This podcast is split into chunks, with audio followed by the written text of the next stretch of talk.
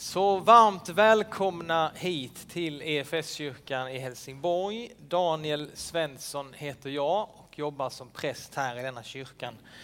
Och jag hoppas att du känner dig varmt välkommen. Är man här för första gången så får man gratis fika efter gudstjänsten. Eller under gudstjänsten brukar vi faktiskt säga. Vi tänker att gudstjänsten innehåller fika för att det här mötet med varandra är också otroligt viktigt för oss. Mötet med Gud, mötet med varandra. Så stanna gärna på kyrkfikat också. Idag så är temat prövningens stund. I onsdags så började den stora fastan inför påsken och idag är det första söndagen i fastan. I kyrkan så har vi eh, en sån här fasteperiod inför den viktigaste av högtider, nämligen påsken. Då vi får fira att Jesus han dog och han uppstod för oss. Vi har en väckelsetid inlagt i vår kalender.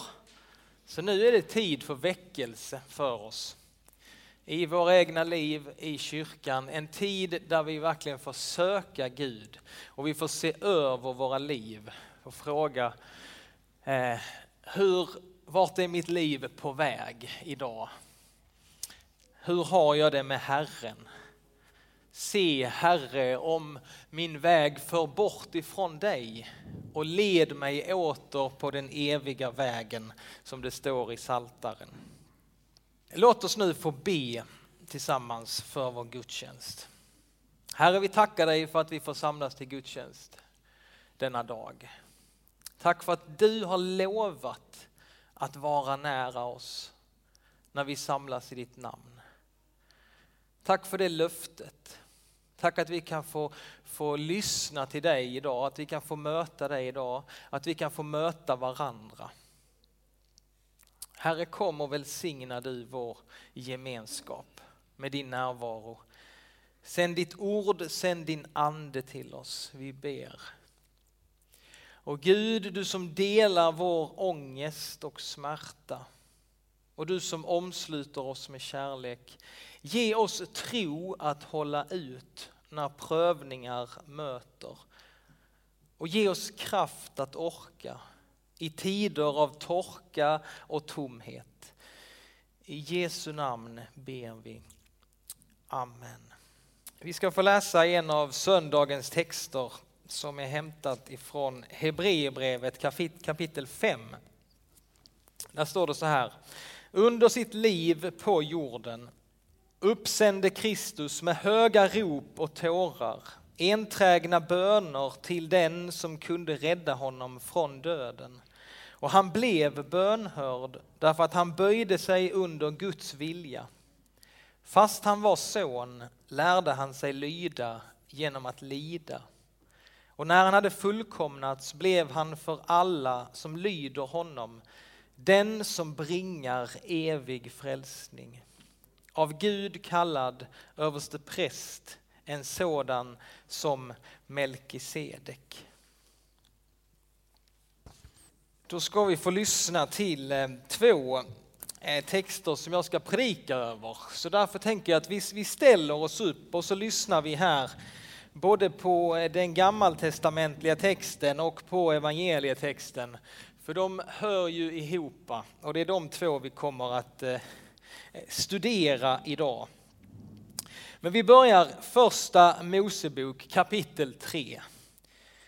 I Jesu namn så står det Ormen var listigast av alla vilda djur som Herren Gud hade gjort.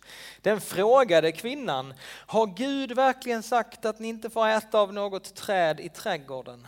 Kvinnan svarade, vi får äta frukt från träden, men om frukten från trädet mitt i trädgården har Gud sagt, ät den inte och rör den inte.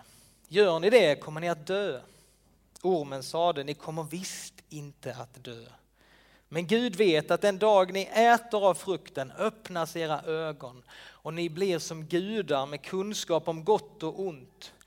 Kvinnan såg att trädet var gott att äta av, det var en fröjd för ögat, ett härligt träd eftersom det skänkte vishet. Hon tog av frukten och åt. Hon gav också till sin man som var med henne och han åt. Då öppnades deras ögon och de såg att de var nakna. Och de fäste ihop fikonlöv och band dem kring höfterna. De hörde Herren Gud vandra i trädgården i den svala kvällsvinden. Då gömde sig mannen och kvinnan bland träden för Herren Gud. Men Herren ropade på mannen. Var är du? Han svarade, jag hörde dig komma i trädgården och blev rädd eftersom jag är naken och så gömde jag mig. Herren Gud sade, men vem har talat om för dig att du är naken? Har du ätit av trädet som jag förbjöd dig att äta av? Mannen svarade, kvinnan som du har ställt vid min sida, hon gav mig av trädet och jag åt. Och då sade Herren Gud till kvinnan, vad är det du har gjort? Och hon svarade, ormen lurade mig och jag åt. Och ifrån Markus evangeliet, det första kapitlet, så läser vi så här. Anden drev Jesus ut i öknen och han var i öknen 40 dagar och sattes på prov av Satan. Han levde bland de vilda djuren och änglarna betjänade honom. Så lyder det heliga evangeliet. Lovad vare du Kristus. Varsågoda och slå er ner. I vår evangelietext så berättar Markus kort bara om hur Jesus vistades i öknen och Satan satte honom på prov. Och den här texten då, de här båda texterna, de hör ju ihop med varandra väldigt nära. Texten i trädgården, den helt fantastiska trädgården där det inte fanns liksom brist på någonting. Där var människan, där blev människan prövad och förledd. Och sen befinner sig Jesus i en, inte i en trädgård, utan han befinner sig i en öken där det inte finns någonting. Där, när det inte finns någonting och där inte Jesus har ätit någonting eller druckit någonting på 40 dagar. Då kommer Satan och prövar honom. Men Jesus består provet. Men vi ska idag stanna upp inför den här figuren som Jesus mötte där i öknen. Markus kallar honom för Satan. Det står för motståndaren. Matteus använder ordet djävulen. Diabolos, det ordet som betyder att kasta isär. Den som vill söndra, den som vill dela på saker kasta sönder. Eh, andra ord som förekommer i vår bibel är den onde, fienden står det om, ovännen. I Johannes uppenbarelsebok kallas han för draken, den gamle ormen. Johannes kapitel 8 så kan vi läsa om honom att han är lögnens fader. Djävulen talade till Eva. Djävulen talade till Jesus i öknen och djävulen talar till oss idag. På samma sätt. Idag så kommer han inte undan. Han kommer tyvärr inte undan idag. Han ska fram i ljuset idag, denna figur. Allt för länge har kyrkan bortförklarat honom och förnekat honom. Vi ska inte prata om den där, eller han finns inte. Men först så går vi in nu i den här underbara trädgården va? Som Herren Gud hade skapat i Edens lustgård. Vi möter där de här två människorna, Adam. Adam står ju för människa, Eva betyder liv. Människa och liv. Och vi som läser den här berättelsen om Adam och Eva och mötet med ormen, vi har ju fått liksom facit på förhand. Vi vet att ormen är den onda makten. Vi vet att hans uppdrag är liksom att försöka få oss bort ifrån Gud. bort ifrån varandra. Han vill liksom sätta in en kil i varje sund och god relation och så vill han splittra. Han vill bort, bort från Gud, bort från varandra. Vi vet ju det va. Men det visste ju inte Eva när ormen kom till henne. Hon, hon hör ormen säga saker till henne och han börjar att säga, har Gud verkligen sagt att ni inte får äta av något träd i trädgården? Alltså ormen, han talar ju ett fromt språk, vackert språk. Han inger förtroende i det han säger. Han talar om Gud. Han tror ju på Gud, han vet ju att Gud finns. Alltså den onde ormen, han kommer liksom inte med några våldsamma frestelser och säger nu så, nu ska jag lära er något riktigt syndigt och äckligt och spännande och något riktigt dumt. Följ med mig här. Då hade de ju aldrig följt med honom. Och vi människor, vi funkar inte heller så här. Vi vaknar liksom inte upp tidigt en morgon och så tänker nu så ska jag synda idag. Det är en dag att synda. Idag ska jag ägna mig åt ondska och djävulskap och lögn. Det ska jag göra idag. Utan det sättet som vi hamnar där, det är att vi glider, bara sakta, så glider vi bort ifrån sanningen med små, små, små steg. Va? Och om man börjar glida lite bort ifrån sanningen så märker man inte, man märker inte det. I början så är man bara precis nära sanningen. Men så glider man ju mer, man har, man har börjat en fel kurs liksom. Och plötsligt så är man bara så långt borta. Och det, allting började med det där lilla, lilla liksom, som var så oskyldigt och litet. Vi glider bort från sanningen, vi förleds bort ifrån sanningen. Så djävulen då och djävulen nu, han kommer för att prata om högst allvarliga saker. Han diskuterar teologi, han för in kvinnan på ett samtal hur man ska tolka Bibeln. Och det han gör är att han överdriver. Han säger, får ni inte äta av något, något träd i trädgården? Han lägger till saker och så spetsar han till. Detta är liksom metoden som han lyckas förleda Eva. Metoden lyckades då och den lyckas ofta nu också. Därför behöver du och jag, vi behöver vara vaksamma. Vad djävulen gör, det han vill göra i ditt och mitt liv, det är söndra och kasta isär. Att du ska, han försöker hålla dig borta från Gud, hans ord. Och han vill söndra alla relationer mellan oss.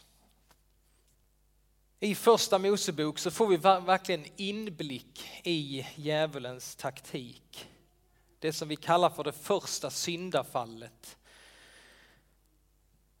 Och här kan vi lära oss väldigt mycket. För det första, vi ska inte ta bort någon, någonting ifrån Guds ord. Det gör djävulen, han tar bort vissa saker. Vi ska inte lägga till någonting från Guds ord. Och vi ska inte förändra någonting av Guds ord. Vi skulle kunna göra ett långt studium av detta. Gå gärna hem och läs de här berättelserna. Liksom. Läs först berättelsen om syndafallet och så läser du berättelsen sen kanske i Lukas istället om hur Jesus frestas i öknen. Eh, jämför dem, studera det. Det kan vara en god övning idag. Men bara en sak, ta inte bort någonting från Guds ord Både ormen och kvinnan gör det när de ska försöka citera Guds ord, så tar de bort saker. Och man märker knappt det. Det står så här i, i första Mosebok kapitel 2 står det Herren Gud gav detta bud att de inte fick äta av det trädet. Och ormen säger, har Gud verkligen sagt? Alltså ordet Gud, det är liksom bara den här allmänna benämningen på honom. Men Herren Gud, det är en mycket mer personlig benämning på Gud. Alltså tar man bort Herren, då blir liksom Gud bara en, en, kanske en idé, en tanke som man kan eh, fundera på. Tillvaron, den högste. Men om inte Gud är Herren i mitt liv, det är Herren Gud som har sagt saker. Alltså Herren Gud är mycket mer personligt. Det är ju han som jag anförtror mig åt. Det är han jag älskar, det är han jag har respekt för, det är han jag vill hålla mig till. Herren min Gud. Va? Ormen säger bara det där opersonliga. Gud. Och kvinnan följer efter. Hon säger inte heller Herren Gud som det står. Utan hon säger bara Gud. Och så glider man in i sånt här allmänt tal om Gud. Och det, jag har så många gånger i mitt liv också känt igen det, hur jag tänker på Gud. Eh, och sen så får jag liksom, ja men det är ju, det är ju Jesus, det är ju min vän, det är ju min Herre. Det är ju han som jag känner liksom personligen. Men det är så lätt att glida iväg till någon opersonlig förhållande till Gud. Och ormen han lägger till saker och han överdriver. Och så lurar han in kvinnan här i en diskussion. Och hon går, försöker gå i försvarsställning, hon försöker korrigera hans påstående. Men hon säger också fel saker. Hon säger så här, vi får äta frukt från träden, men från frukten från trädet mitt i trädgården har Gud sagt, ät den inte och rör den inte, säger kvinnan. Och det har Gud aldrig sagt. Utan det Gud hade sagt till henne, det var så här, ni får fritt äta av alla träd i trädgården. Förutom det trädet. Och så säger Eva, Gud har sagt att ät den inte och rör den inte, då kommer ni dö. Alltså det är ett helt annat eh, sätt att se. Ni får fritt äta av alla träden, förutom det. Gud har inte sagt det. Ät den inte och rör den inte. Det ger liksom en, också en annan bild av vem Gud är. Hon hittar på de orden själv för Gud har inte sagt det. Vilken gudsbild ger det oss? Så det är väldigt enkelt och naturligt hur det här första syndafallet skildras. skildras. Det är ofta liksom små saker som får oss att snubbla. Och Eva, när hon väl har fallit så ger hon också frukten till sin man. När någon går bort ifrån Gud så drar hon också andra med sig i fallet. Frestaren utbildar oss till frestare. Och så kommer Gud och så ställer han några, varnan, eller några frågor. Människan får ställas till svars och fråga vad har du gjort? Och vad gör då mannen och kvinnan? Jo, de skyller Först skyller de på Adam skyller på Gud, det är du som har satt kvinnan vid min sida och hon fick mig att äta av det. Kvinnan skyller på ormen. Men det var ingen som säger att det var jag som gjorde det. Vi kan känna igen oss både i mannen och i kvinnan. Det var inte mitt fel. Det var inte jag som började det är mina föräldrars fel att det är så här. Det är samhällets fel att jag har det så här. Det är andras fel att jag är som jag är eller det Det beror på det där andra. Men varje gång en människa vågar säga det var jag som gjorde det. Förlåt mig, det var mitt fel. Varje gång en människa säger det istället så slår hon vakt om sitt människovärde och storheten i att få vara en människa. Storheten är att vi kan synda, vi kan göra fel. Gud han eh, säger ingenting till ormen. Ett djur kan inte synda och göra fel. Men en människa kan synda och göra fel. Och varje gång vi säger de här orden, det var mitt fel. Det är jag som har gjort fel. Då höjer hon sig över liksom djurstadiet och så slår hon vakt om sin storhet att vara människa. För det är att kunna ta ansvar för sitt eget liv. Markus berättar ju om hur Jesus konfronterades med Satan. Och efter den kampen så står det att änglarna betjänade honom. Och den här kampen, den är lika verklig för dig och mig. Och varje gång vi får säga nej till den onde så får vi säga ja till Jesus. Och då får vi också bli liksom betjänta. Änglarna vill också betjäna dig och hjälpa dig.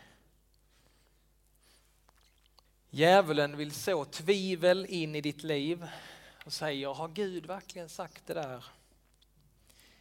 Och det sättet som Jesus svarar honom, det är det sättet som vi också ska göra. När djävulen säger så till Jesus så säger han, det står skrivet så här i Guds ord. Och så svarar han djävulen varje gång med Guds ord. På det sättet står Jesus emot djävulen. Han förändrar inte Guds ord, han tar inte bort någonting utan han svarar med det står skrivet så här. Jesus han svarar med bibelord. Jesus han är liksom marinerad i skriften. Han tänker Guds ord. Han var fylld av ordets sanningar i sitt liv. Och därför så kunde han stå emot det onda. Han kunde stå emot lögnen med Guds sanning genom att hålla fram sanningens ord. Och nu ska jag berätta för er om en man som heter Evagrios av Pontos. Känner ni till honom? Han bor inte i Helsingborg. Han levde på 400-talet. Evagrios av Pontus. Och han skrev en handbok för att bekämpa demonerna. Och han och många andra på den tiden, de gick ut i öknen och så kämpade de mot demonerna. Det kan ju kännas väldigt konstigt för oss. Men det är samma kamp som vi har att kämpa med idag. Och han gjorde en handbok för att bekämpa demonerna och det han gjorde det var att han tog exakt så som Jesus gjorde i öknen. Så ville han göra i sitt liv. Så skrev han ner så här. Vilken är tanken eh, känslan och förnimmelsen som kommer till mig. Han, han ville liksom se över sitt liv, in i varje liksom skrymsel av sitt liv. Så skrev han ner, är, vilken är tanken och känslan och förnimmelsen som kommer till mig? Alltså vad är det för känsla som fyller mig när jag möter vissa saker? Och så skrev han ner, vad är, vad är det som är lögnen? bakom tanken, känslan och förnimmelsen. Så skrev han ner det, vad som är lögnen, funderade på det. Och sen skrev frågan, vad är sanningen? Alltså vad är sanningen i detta? Och då gick han till Guds ord och så hittade han ett bibelord som svarade mot den här känslan, och den här lögnen i sitt liv och så hittade han ett bibelord som svarade precis bara vad som är sanningen. Och Evagrus, han gick ut i öknen och hans handbok, där finns det 500 olika sådana här poster som han gick igenom. Vad är tanken, förnimmelsen, vad är det som liksom fyller mitt liv? Vad är det jag, när jag känner mig rädd, när jag känner mig ensam, när jag känner mig, liksom, vad, är det som, vad är det för känsla? Skriva ner det. Vad är det för lögn bakom känslan? Och vad är sanningen? Och han gjorde det, han hämtade inspirationen direkt ifrån Jesus. Hur Jesus bemötte det onda. Och jag tänker vi kan göra exakt samma sak, du och jag. Detta kan ju vara en jättebra grej under fastan för oss. Vi kan också fylla oss med Guds ord på det här sättet. När tanken kommer till oss att oh, jag kan ingenting. Jag är, jag är värdelös. Jag är, jag, är, jag är ingenting värt känslan som kan vara så stark, som bara kan ta över allt. Och så funderar vi, vad är det som är lögnen här? Och vi kan rätt så lätt komma fram att det är inte sant. Och så hittar vi ett bibelord där det står att var inte rädd. Jag friköpte dig. Jag har gett dig ditt namn. Du är min. Och varje gång vi möts av den här känslan, det här kan, som kan bara ta över våra liv, så bemöter vi det. Vi avslöjar lögnen och så bemöter vi det med ett bibelord. Du kanske inte behöver ha 500 sådana här poster, men kanske kan du komma fram med fem poster. Vad är det som brukar attackera dig? Var är det den onde har fått en ingång i ditt liv och där han om och om igen bara vill liksom trycka ner dig. Vad är det för känslor? Vad är det som tankar? Vad är lögnen bakom? Och vad är sanningen? Och så kan vi fylla oss med de här bibelorden. Vi kan liksom, det är det som är vårt vapen. Att det är ditt ord som är sanning, Gud. Det är det som är sanningen om vem jag är. Eller när tanken kommer till mig, jag vill köpa den där nya saken som jag inte behöver. Men om jag bara hade haft den saken, då hade jag varit lycklig. Eh, den känslan kanske kan fylla någon av oss. Vad är det för känsla? Och vad är lögnen där? Rätt så snabbt kan vi avslöja lögnen. Du kommer inte bli lyckligare. Och så hittar vi ett bibelord som säger ifrån Hebreerbrevet, nöj er med vad ni har. För Gud själv har sagt, jag ska aldrig överge dig, jag ska aldrig svika dig. Eller tanken och känslan som kommer över mig och säger, jag kommer inte klara av den här ekonomiska situationen.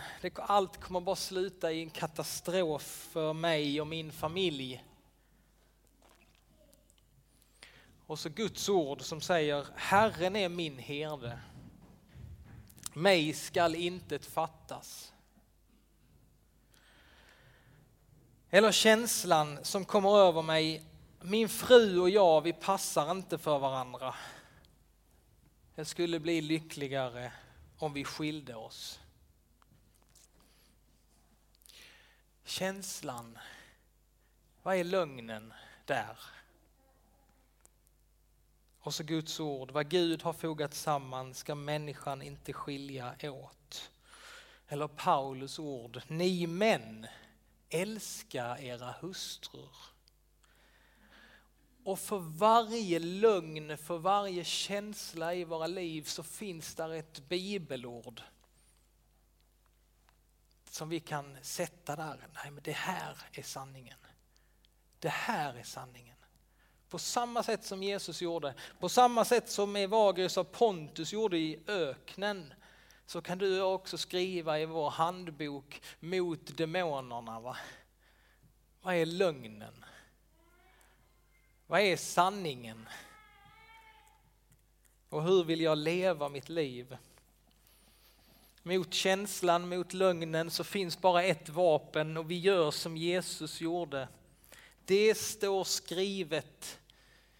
Och vi förvanskar inte Guds ord, vi lägger inte till något, vi tar inte bort någonting, utan vi följer så som Jesus gjorde. Också i hans tillit till skriften så får du och jag också ha den tilliten. Till honom och till Guds ord. Vi ber tillsammans. Herre, vi tackar dig för att ditt ord är sanning. Helga oss genom sanningen. Ditt ord är sanning och förlåt oss varje gång då vi lyssnar på lögnen. Herre, förlåt oss. Hjälp oss att lyssna till dig. Hjälp oss att fylla oss med ditt ord och leva utifrån den sanningen.